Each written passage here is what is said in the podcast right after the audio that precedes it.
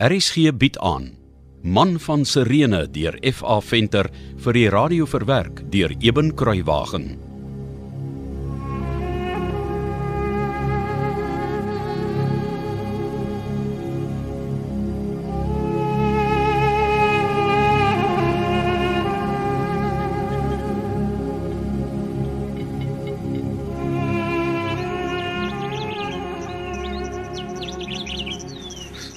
Jesus van Nasaret.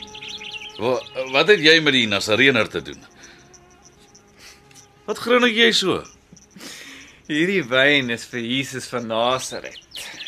Dis vir hom wat ek dit kom koop het. Wie sê ek wil wyn aan die Nasareener verkoop? Hm? Wie is jy? Praat. Wie is jy? Ek vra jou die laaste keer. Wie is jy? Ek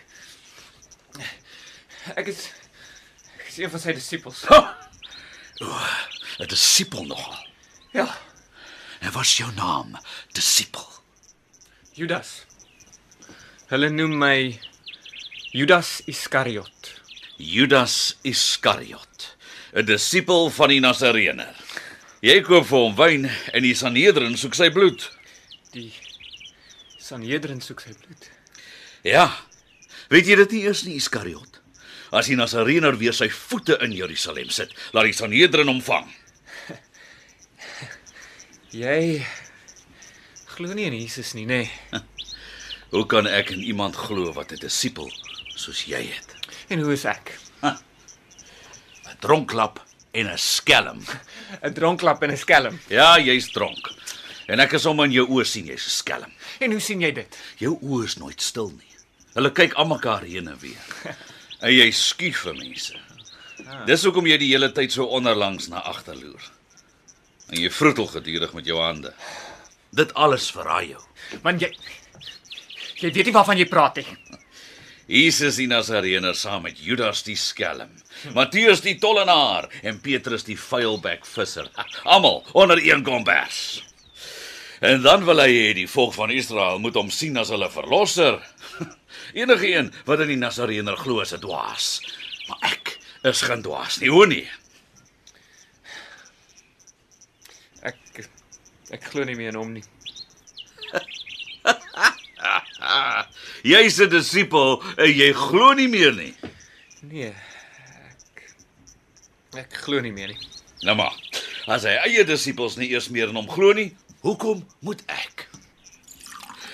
Daarop moet ek net eenvoudig 'n beker wyn drink. Kyk hoe lyk my rug. Wat het jou oorgekom?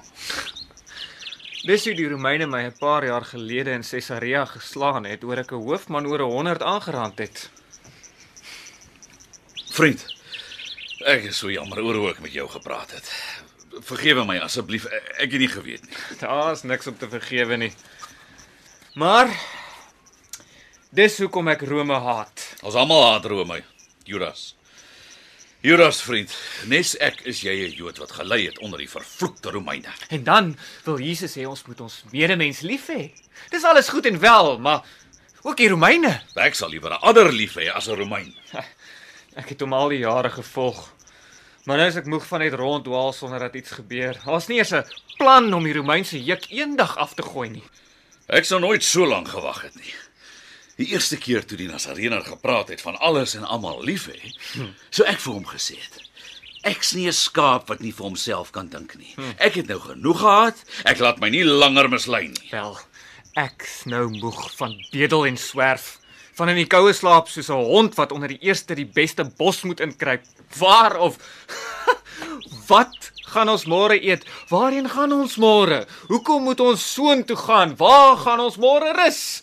Ek's moeg en siek en sat daarvan. Vriend, jy verdien nog wyn. Hier, vat my beker. Dankie.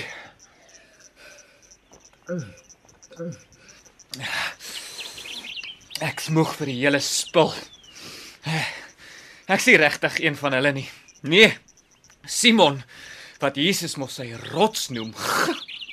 Hoekom sal seker net Jesus weet? Simon Petrus en Jakobus en Johannes, Markus en Lukas. en en Matteus van alle mense. Hulle is die uitverkorenes. Ek verpes hulle. Ek mos net hulle stuur jong. 'n Slaaf. Judas gaan haal water. Judas gaan haal wyn. Judas gaan koop vis. Judas gaan soek slaapplek. Judas, Judas, Judas. Dis dis Judas dit en Judas dat van die môre tot die aand. Som van gek te word. En dis hoekom jy vanoggend hier na my toe gekom het. Ja. Want die groot Jesus het gesê ons moet alles regmaak vir die Paasmaal. Waar gaan julle die Paasmaal eet? Hier in Jerusalem. Hy het sy twee wit broodjies Petrus en Johannes gestuur om 'n vertrek in iemand se huis te gaan regmaak daarvoor. Hoekom wil jy weet? Eh, vra sommer. Ken jy Saggeus van Jerigo? Nee, nee, ek ken geen Saggeus nie. Hoekom sou ek hom ken? Hy is die hoofman oor die tollenaars daar. Ja. Ek haat daardie verraaiers van Israel. Ek ook, maar veral die een. Hoe so? My vader was eens op 'n tyd 'n handelaar in Jerigo, maar Saggeus het hom uitgeroei. Dit het van ons karavaandrywers gemaak. en vandag is Saggeus een van die rykste mense in die hele Judea. En ek sweer, die einste Saggeus is nou ook een van die Nasareëne se volgelinge. Was ek reg? Toe ons toe ons deur Jerigo gekom het op pad hierheen, het die Nasareëner die huis van gelowiges. Dis nou die dwaase wat nog glo hy is die Messias. Toe het hy hulle huise oorgeslaan en in Saggeus se huis gaan eet. In die grootste skelm en verraaier in die hele Jerigo se huis. Kan jy dit glo? ja, ek kan. Dis mos tipies wat die Nasareëner doen. Hy hou hom op met tollenaars, slegte vroue en melaatses. Ja. Maar jy's heeltemal reg. Saggeus is nou 'n volgeling. En daardie skelm is nou meer as Judas Iskariot wat al jare saam met hom geloop het. Dit grief my tot in my siel om sulke dinge te hoor. En daar in Saggeus se huis het, het ek die groot sederhoutkus gesien wat my arme vader nog in Tyrus vir my moeder gekoop het. En die groot geverfde kruik wat hy op 'n ander keer uit Damaskus vir haar saamgebring het. Verstaan jy hoekom ek haat? Hoekom ek dink naaste liefde is vir dwaase? Ja. Ja, al te goed. Al die dinge broei al lank in my kop. Maar nou kan ek nie meer nie. Ek's moeg om 'n slaaf te wees. En ek's bang Bang. Waarvoor is jy bang? met wat Jesus van Nasaret loop en verkondig. Gaan hy bloedvergieting oor Jerusalem bring? Hoe was hy so? Hier's baie pelgrims en baie van hulle volg die Nasareëner. Ja. Duisende volg hom en duisende haat hom. Hoor nou wat ek vir jou sê. Hierdie Jesus is 'n vlam wat die hooi miet aan die brand gaan steek. Hy gaan Jerusalem laat brand. Ja, dis nie die eerste keer wat ek iemand dit hoor sê nie. Om die waarheid te sê, ek sal glad nie omgee as die ongeluk die Nasareëner haal nie. Ek wil nie hê Jerusalem moet brand nie. Verstaan jy wat ek sê? Ek verstaan maar al te goed. En wat jy sê is baie waar. Die Nasareëner is 'n gevaar vir Israel. Hoeveel kos die wyn vir die groot Jesus van Nasaret? Nee, nee, die wyn kos niks. Baie dankie. Dan loop ek nou maar eers weer. Ek moet gaan kyk of Petrus en Johannes die eetplek kon voorberei. Hulle kan mos niks doen sonder Judas nie. Ja. Vrede vir jou. Miskien moet ou Judas Jerusalem red. Vrede vir jou. Judas Iskariot. Judas Iskariot, die verlosser van Israel. Vreemde skepsel. Maar kyk, hier staan sy kruik nog.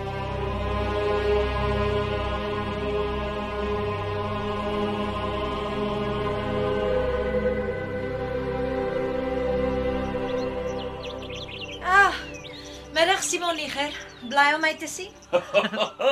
Deborah, wat 'n wonderlike verrassing. Oh, as ek bly om jou te sien. ek voel soos die heel eerste keer toe ek jou onder die prieel in Alexandria vasgehou het. Jou ou flyer. Jy weet ook net wat om te sê, né? Wel, ek is maar net die gelukkigste man in die hele Israel. Maar nie heeltemal so gelukkig soos ek nie. Ek's lief vir jou. En ek vir jou, Simon. En toe? Waar is die seegiel? Ek dog julle sou saam Jerusalem toe gegaan het. Ons het, maar hy wou eers nog 'n bietjie rondloop en kyk of hy nie dalk bekend is onder die pelgrims kon raakloop nie. O? Oh, en het jy alles gekry waarna jy gesoek het? Ja, dankie. Alles wat ek vir die paasmaal nodig het, het ek gekry. Oh, Behalwe 'n lam. Die kon ek nie kry nie. Wel, dis nie heeltemal waar nie. Daar was lammers te koop, maar nie teen die prys wat ek bereid was om vir 'n lam te betaal nie. Toe maar, ek sal vir ons 'n lam kry. Ag, dankie, liewe Simon. En jy was baie bedrywig.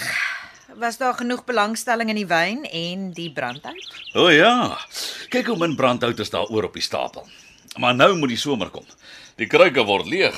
Ek wil wynpars en olyfpers en ek wil vir jou 'n groentetuin maak. Simon Niger, kry jy nie genoeg van werk nie? o oh, nee nee, ek moet werk. En uh, wat sien jy als in Jerusalem? O, oh, Jerusalem is propvol mense. Jy kan amper nie in die strate loop nie. Dis net pelgrims, pelgrims, pelgrims. Hm. Ja, hulle drom so dig saam met die verkopers dat jy omtrent nie naby genoeg kan kom om iets te koop nie. Dan sê ek maar bly Isiegeel het saam met jou gegaan. Ek is so gedreis as nie goeie maats nie.